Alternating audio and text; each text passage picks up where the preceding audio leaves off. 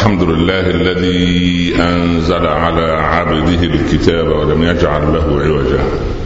سبحانه له دعوة الحق حرص عليها واوجب التبشير بها ولتكن منكم أمة يدعون إلى الخير ويأمرون بالمعروف وينهون عن المنكر وأولئك هم المفلحون.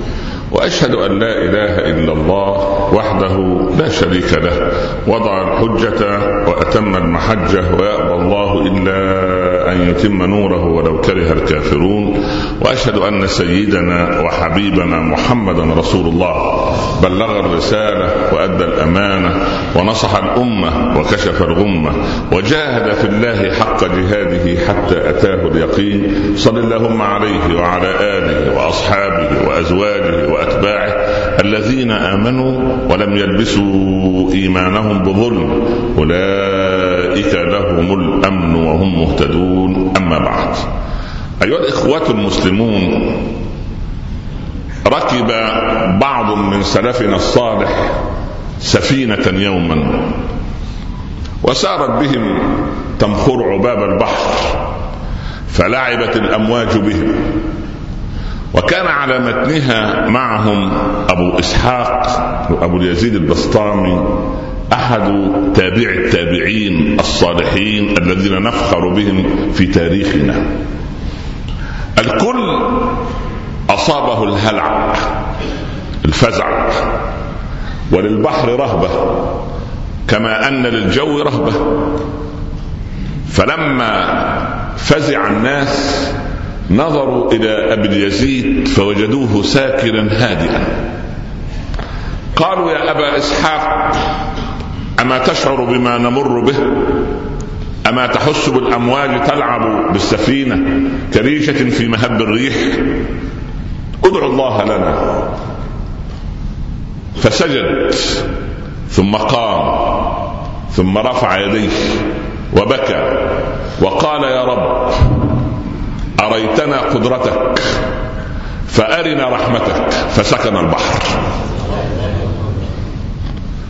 لمحت هذه القصة وأنا أعيش مع الصالحين في أضابير التاريخ.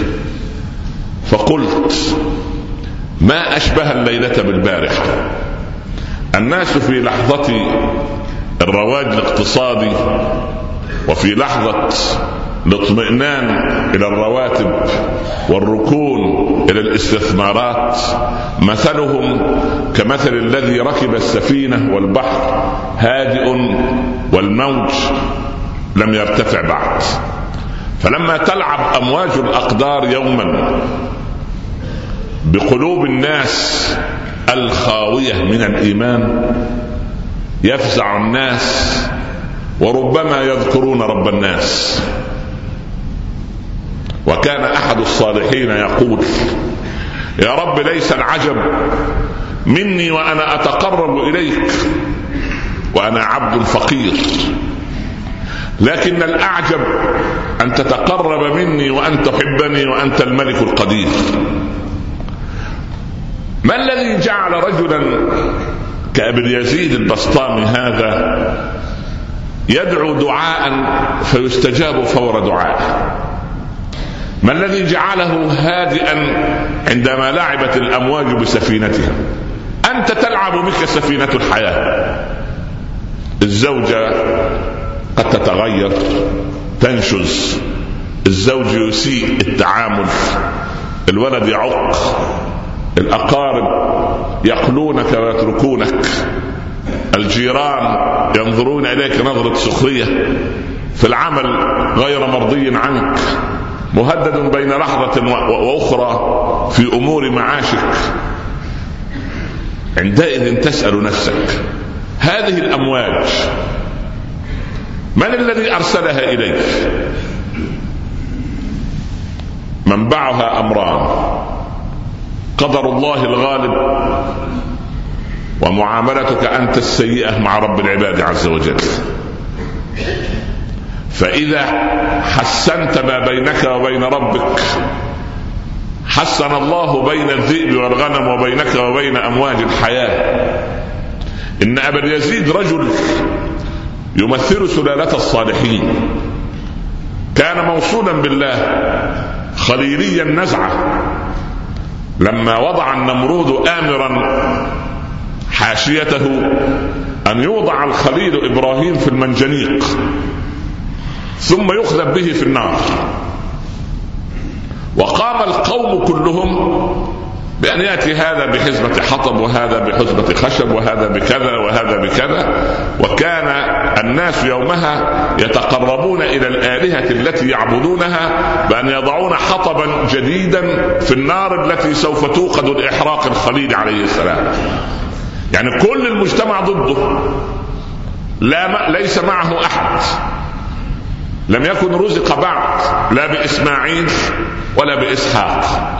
الذين آمنوا به قلة لا يتعدى عددهم عشرة على رأسهم هاجر وسارة فقط.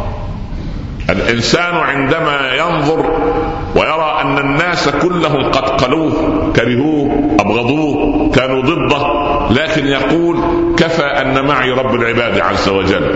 إن كسبت الله فقد كسبت كل شيء وإن فقدت جانب الله فقد فقدت كل شيء وما عوضك شيء عن الله عز وجل. هذا علم في العقيدة.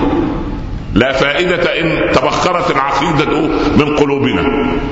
وضع الخليل في المنجنيق لك أن تنتقل إلى الحدث. النيران تداعب ألسنتها ودخانها. السحاب والخليل موضوع في المنجنيق مقيد بسلاسل من حديد مقيدة يداه ورجلاه ويداه مقيدة إلى ظهره كما ترى أنت في الأسرى الذين يؤسرون في زماننا. انظر إلى المنظر. الدولة كلها ضده. الشعب كله ضده.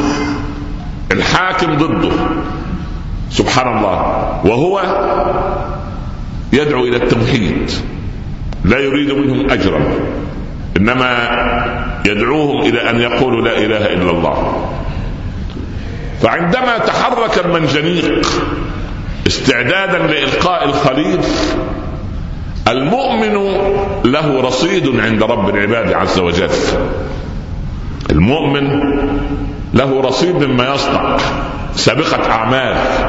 شركة عندما تتقدم لكي يرسو عليها عطاء مبنى من المباني أو عملية من العمليات الهندسية تقدم سابقة أعمالها. لقد نفذنا مشروع كذا ومشروع كذا وهذا تكون من ضمن حيثيات قبول عطائها وعرضها. أنت أيها المؤمن كهذه الشركة إن كنت لك رص... إن كان لك رصيد عند رب العباد عز وجل هذا الرصيد تسحب منه عند الأزمات.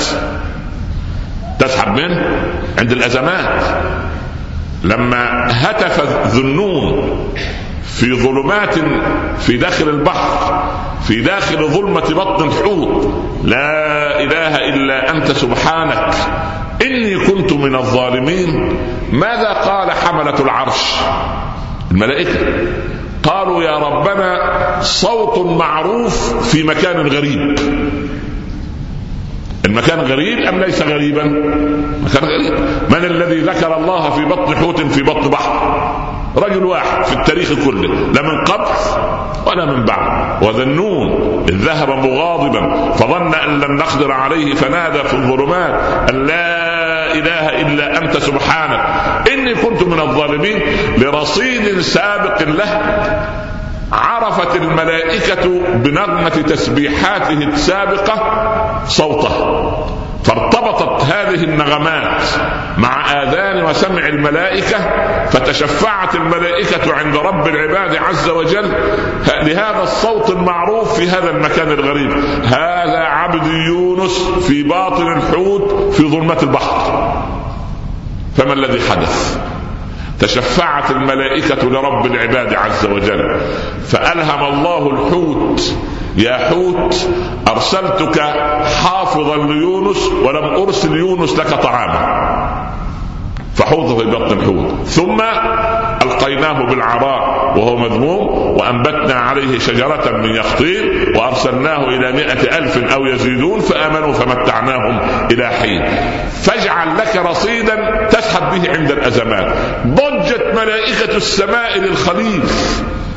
يا رب خليلك سيلقى في النار. نفس القضية. قال يا جبريل سل خليلي ماذا يريد؟ يا خليل الرحمن. ألك حاجة؟ الإنسان عند الورطة يتمنى أن ينقذه أي إنسان.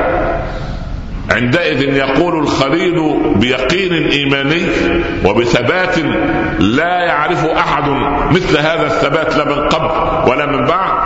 يقول يا جبريل أما منك فلا لأن ساعة الأزمات عقيدة الإنسان لا تهتز.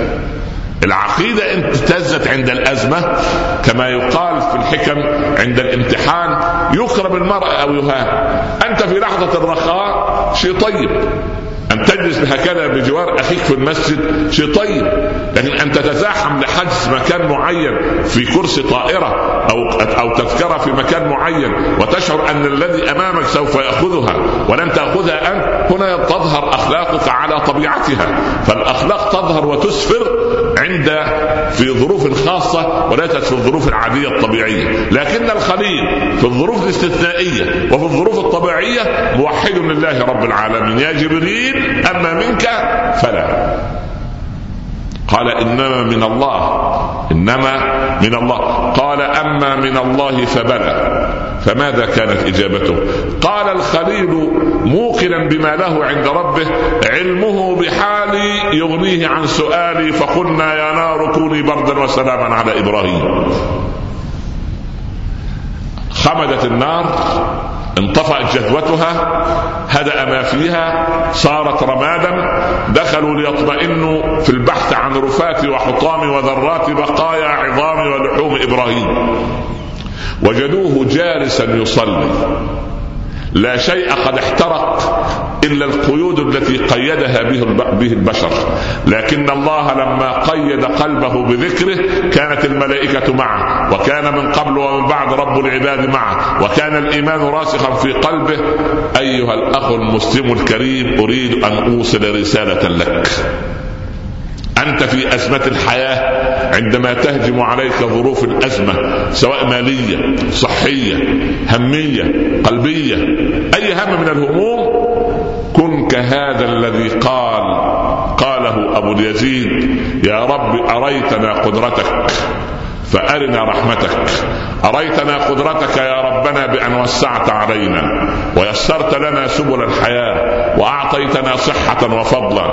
فعندما تتأزم الأمور أرنا رحمتك.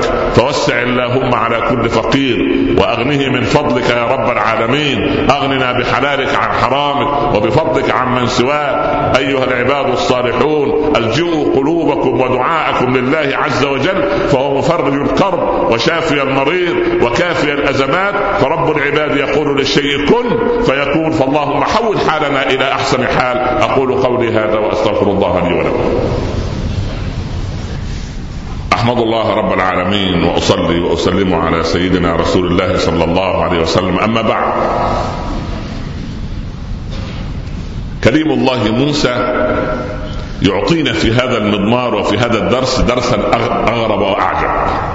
رأينا أبا اليزيد رأينا الخليل رأينا ذنون فانظر إلى كليم الله موسى ولا داعي لأن تقرأ القرآن بلسانك فقط اقرأه بلسان قلبك وتعقله بلبك حتى تتفهم ما فيه. خرج كريم الله موسى بأربعمائة ألف من بني إسرائيل هاربا من مصر متوجها إلى صحراء سيناء. فأتبعه فرعون بجنوده. كتب السير تقول كان عدد جنود فرعون 2 مليون جندي. يعني خمسة أضعاف بني إسرائيل.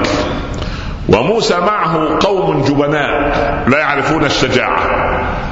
قالوا إن فيها قوما جبارين وإنا لن ندخلها أبدا ما داموا فيها فإن يخرجوا منها فإنا داخلون. ثم قالوا لكريم الله اذهب أنت وربك فقاتلا إنها هنا قاعدون. يعني هذه طبيعة من مع سيدنا موسى. المهم الشاهد في القصة كي أؤكد المعنى الذي قلته من قبل يا رب أريتنا قدرتك فأرنا رحمتك.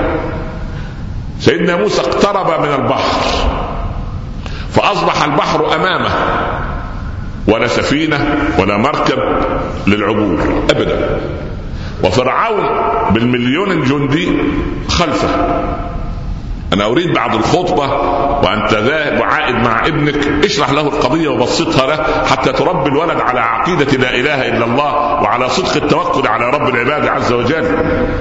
أنا أرى أن المسلمين لما هزتهم هذه الأزمة سبحان الله أرى أن الإسلام قد تبخر من القلوب فأين الذي قال له ربه إذ قال له ربه أسلم؟ قال أسلمت لرب العالمين. اللهم ألحقنا به يا رب العالمين. في مقعد صدق عند ملك مقتدر فلما كان فرعون وجنوده حصروا بني إسرائيل بقيادة موسى ما بين البحر وبين آلة الحرب. قال أصحاب موسى إنا لمدركون. وهذه أول مرة يصدق فيها. فعلا. لقد أدركه فرعون. الإجابة العجيبة من كريم الله الذي له رصيد إيماني عند ربه قال كلا. والإجابة غريبة. كيف كلا؟ أنا البحر أمامي أراه. وفرعون ومن معه من خلفي على بضع خطوات. فكيف تقول كلا؟ علل كلمة كلا أي هذا هذه نظرية خاطئة. أننا لسنا بمدركين. لماذا؟ قال كلا إن معي ربي سيهديني فما كان معك فما دام معك رب العباد سبحانه انتهت القضية. طيب كان من باب أولى ينزل جبريل على جناح السرعة يأخذ بني إسرائيل على جناحه ويعبر بهم الشاطئ الآخر. هذا حل. أو ينزل ريحا عقيما ولله جنود السماوات والأرض. فتمحق فرعون ومن معه. أو تزلزل الأرض من تحت أقدام فرعون ومن معه. أمر طبيعي ممكن جائز. لكن الأمر أغرب من الخيال. لأنك عندما تدع الأمر لله فلست أنت الذي تتحكم في الكون إنما المتحكم في الكون خالقه. فأمر الله عز وجل الكريم أن يضرب البحر بعصاه. لا علاقة مطلقا بين النجاة وبين الفرار وبين الوصول إلى أرض سيناء سالمين غانمين من فرعون ومن معه بضرب البحر بالعصا. لكن كريم الله والصالحون من عباد الله ينفذون أمر الله فهموا أم لم يفهموا؟ وصلتهم العلة أم لم تصلهم؟ فضرب البحر. فلما ضرب البحر فإذا بإثني عشر جسرا كل قبيلة من بني إسرائيل تمر وبينهم ألواح زجاجية حتى ترى كل قبيلة القبيلة التي تليها ثم بعد أن وصلت أقدام آخر جندي أو آخر إسرائيلي على أرض سيناء في الجهة المقابلة فإذا بالذي أنشأ جسورا فوق البحر أمرها أن تنهدم مرة أخرى فأغرقنا فرعون ومن معه فمن المتحكم في هذا الكون؟ إخوة الإيمان إخوة الإسلام صححوا عقيدتكم توكلوا على ربكم أخلصوا نياتكم لله اللهم اجعل لنا أول يومنا هذا صلاحا. وأوسطه نجاحا وآخره فلاحا. لا تدع لنا فيه ذنبا إلا غفرته ولا مريضا إلا شفيته ولا عسيرا إلا يسرته ولا كربا إلا أذهبته ولا هما إلا فرجته ولا دينا إلا قضيته ولا حاجة من حوائج الدنيا. لك فيها رضا ولنا فيها صلاح إلا قضيتها ويسرتها يا رب العالمين. زوج بناتنا بالأبناء الصالحين وارزق أبناءنا بالزوجات الصالحات. واطرد عن بيوتنا ومجتمعاتنا شياطين الإنس والجن. اللهم أكرمنا ولا تهنا. اللهم أعطنا ولا تحرمنا. اللهم كن لنا ولا تكن علينا. آثرنا ولا تؤثر علينا. انصرنا ولا تنصر علينا. لا تجعل الدنيا أكبر همنا ولا مبلغ علمنا. انصرنا على من عادانا واختم لنا منك بخاتمة السعادة أجمعين. اجعل هذا البلد آمنا مطمئنا وسائر بلاد المسلمين. وصلى الله على سيدنا محمد وآله وصحبه وسلم يا رب تسليما كثيرا. بسم الله الرحمن الرحيم. والعصر. إن الإنسان لفي خسر إلا الذين آمنوا وعملوا الصالحات. تواصوا بالحق وتواصوا بالصبر. صدق الله ومن أصدق من الله قيلا. نكمل حديثنا بعد الصلاة إن شاء الله. وأقم الصلاة. قوموا إلى صلاتكم يرحمكم الله. أحمد الله رب العالمين وأصلي وأسلم على سيدنا رسول الله صلى الله عليه وسلم. أما بعد. لا أريد أن نضيف إليكم شيئا آخر في الدرس ولكن أريد أن أؤكد على معاني ما ذكرناه في الخطبة. الذي صنعه النبي صلى الله عليه وسلم في المدة الأولى التي عاشها المسلمون في مكة هي تقوية جانب العقيدة عند المسلمين. فلما قوي جانب العقيدة رأينا هذه النماذج العجيبة الأسطورية الصالحة أو التي تشبه الأساطير يعني ولكنها حقيقة في معمعة الحياة. والذي أصابنا نحن إن العقيدة غير واضحة تماما في قلوبنا. وإلا فنحن نظن أن فلانا يصلي فقد صار عثمان بن عفان. وفلانة تصلي صارت أسماء بنت أبي بكر. وعندما يحتك بعضنا ببعض نجد أخلاق أبي جهل وسوء أبي لهب ونفاق عبد الله بن أبي. إلا من رحم ربي. فأين الخلل؟ الخلل أن الناس حولوا الدين الإسلامي برضو إلا ما رحم ربي إلى طقوس تعبدية. فأصبح الأخ المسلم يجي خمس صلوات خير وبركة. يفضل يسأل عن تفاصيل هي أربعة سنة قبل الظهر واثنين بعد ولا أربعة وأربعة؟ ويدقق. ويحتج أحدهم على أخيه بأن عنده ثغرة معينة في ثوبه الذي طال أو في لحيته المحلوقة أو أو إلى آخره. ورغم أن كل هذه هي تكملة لما يقر في القلوب. ولكن الصحابي الذي ضرب به المثل بأنه من أهل الجنة ما أدخل نفسه في في تفاصيل. يدخل عليكم رجل من أهل الجنة يدخل عليكم رجل من أهل الجنة ثلاث مرات. فلما بات عنده عبد الله بن عمرو بن العاص ليالي ثلاث يريد أن يعرف ما الذي يصنعه هذا حتى يصير من أهل الجنة وجدوا لا يصنع شيئا زيادة. بس التعبير الوحيد الذي قاله أبيت ها وليس في قلبي إيه شيء على مسلم. لا حقد لا حسد اذا الصحابة وصلت قلوبهم إلى إيه ها إلى علاج معاصي القلوب فانصلحت وأصلحت معاصي الجوارح.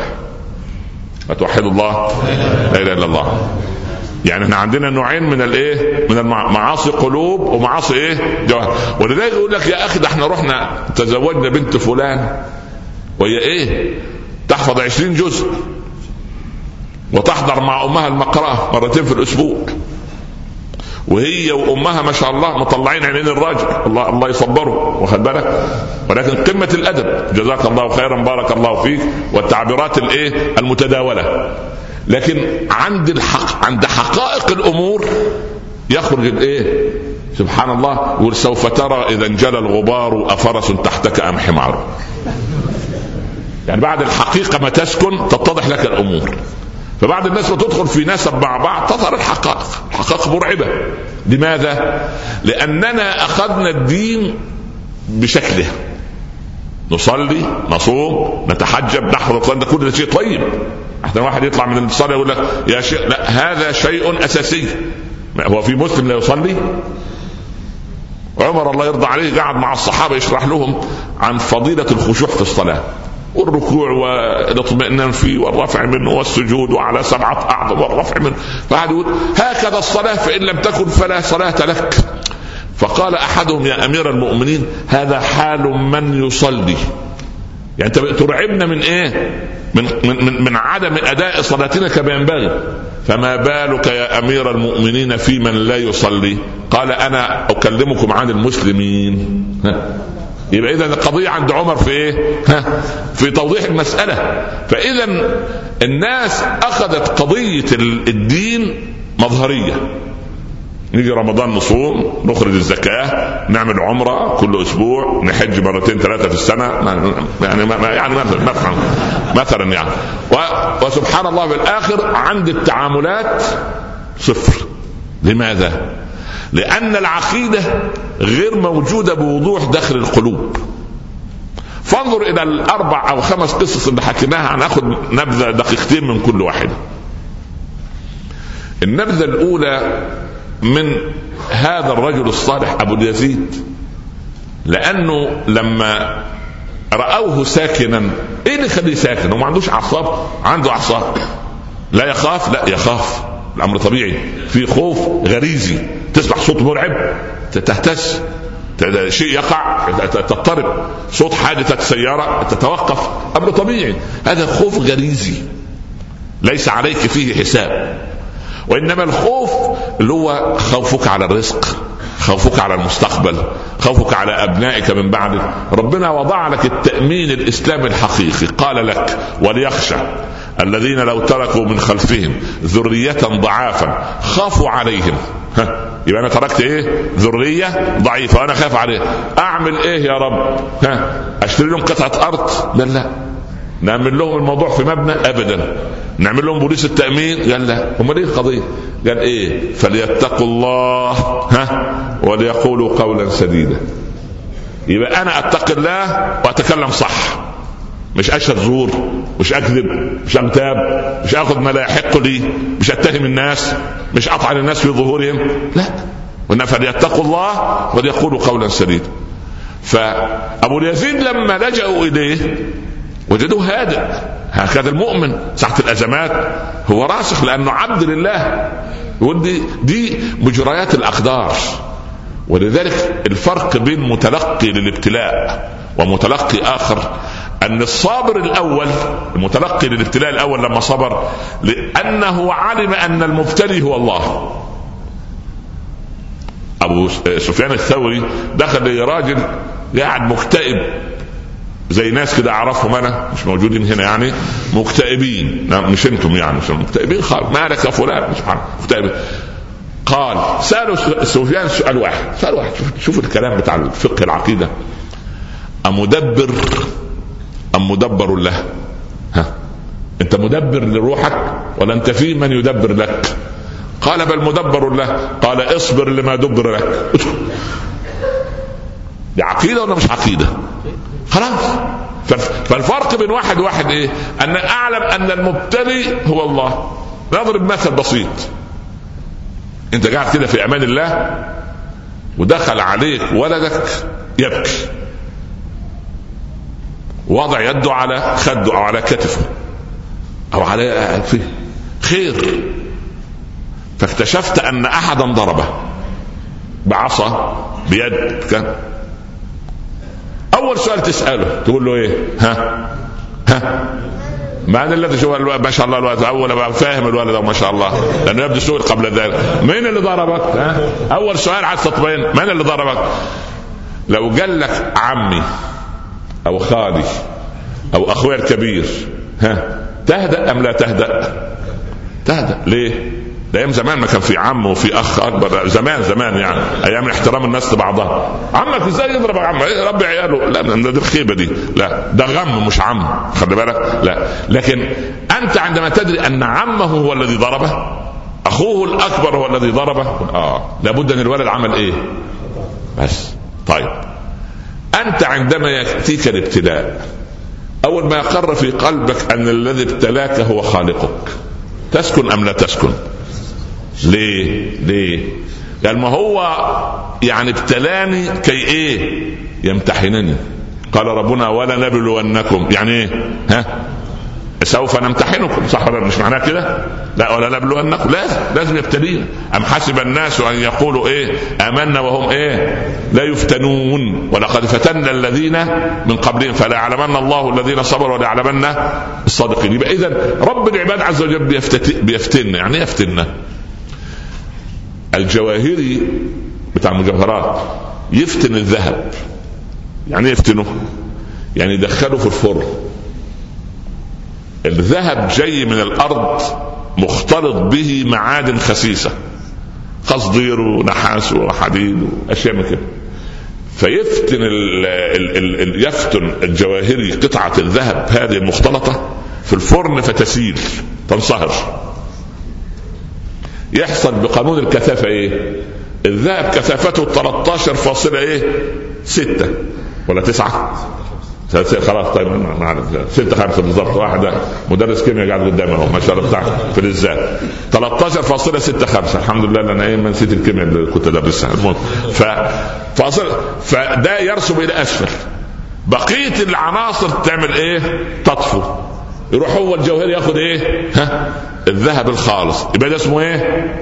فتنة الذهب فتنة الإيه؟ الذهب طب المؤمن كيف يفتتن؟ يدخل في الابتلاء مرض أي شيء. قلة مال ضنك هم أي شيء. يخرج من الفتنة. يقول أول شيء يقول إيه؟ الحمد لله إن الفتنة دي ليست في الدين. الحمد لله الصلاة زي ما هي زكاة زي ما هي زوجتي محجبة زي بناتي مستقيمات أولادي برين إيه؟ أول شيء ليست في الدين. وبعدين الحمد لله أنها ليست أكبر من ذلك. الحمد لله. وبعدين ال ال ال ال ال سبحان الله الشهر الماضي كلمني أخ صالح من بلد ما. وبعدين وجيت بيقول لي إيه والله يا شيخ أنا أدعو لك في كل صلاة فجر. جزاك الله خير والله أنا في حاجة لهذا الدعاء. يقول لي بس خلي بالك أنا عندي شلل رباعي من عشرين سنة ولكن الكرم الذي أراه من الله على مدى العشرين سنة ما أكرم الله به أحدا قط. وكأن الرجل يرسل لي إيه؟ رسالة عجيبة. سبحان الله. قاعد في أمان الله في سبحان الله. الإنسان يتعلم العقيدة من, من, من أي حد. والطبيب يقول لي إيه لازم تنام على جنبك الشمال ستة أيام. حاضر. نعم. أنا من ساعة ما حفظونا القرآن من سنة 61 لغاية اليوم 47 سنة أنام على جنب اليمين. شوف الابتلاء. قال تنام على جنبك الشمال. لا إله إلا الله. ده سخط حاضر أمر في الممر في المساء امرأة كبيرة ألمانية عندها 80 سنة تقول اوعى تكون في حالة نفسية سيئة قلت لها ليه؟ قالت أنا هعمل عملية بكرة وأنام على وجهي أسبوعين كاملين ها تصبر ولا ما تصبر؟ سبحان الله فأنت تنظر إلى المصيبة على أنها إيه؟ أقل مصيبة، لكن أنت حاطط في ذهنك أن مصيبتك دي تسد عين الشمس، وده لقلة الإيه؟ لقله العقيدة. أبو اليزيد قال لا يا رب أنت الأمواج لعبت دي قدرتك. هذه قدرته وقد إيه؟ وقد إيه؟ وقد رأيناها وقد إيه؟ وقد رأيناها طب أرنا رحمتك هو إحنا ترينا قدرتك فقط عايزين رحمتك بقى دي مع دي فسكن البحر اذا لرصيد له عند ربه هكذا الخليل هكذا الكريم هكذا ذو النون فأنت لا أريدك أن تقرأ القرآن وتعد لا لا لا. أننا نريد أن نقوي عقيدتنا داخل قلوبنا عندئذ نصير مسلمين بحق أما الابتلاءات الخارجية اللي ضد الإسلام دي لها رب العباد اولا ثم لها رجال من العلماء الفضلاء اللي فرغوا أنفسهم في الدفاع عن دين الله فلا تشغل نفسك ولا تخف على دين الله. خف على نفسك أنت وادعو الله بحسن الخاتمة. اللهم أحسن لنا أحوالنا في الأمور كلها يا رب العالمين. حقيقة الموضوع أعجبني آه، يعني لما كده ربنا ألهمنا به قبل الخطبة فإن شاء الله يمكن ربما نفسره ونفصله في حلقة اليوم إن شاء الله كده على قناة الشارقة العاشرة إن شاء الله. لا تنسونا من صالح دعائكم. نلقاكم الجمعة القادمة إن شاء الله. نستودعكم الله الذي لا تضيع ودائعه. السلام عليكم ورحمة الله تعالى وبركاته.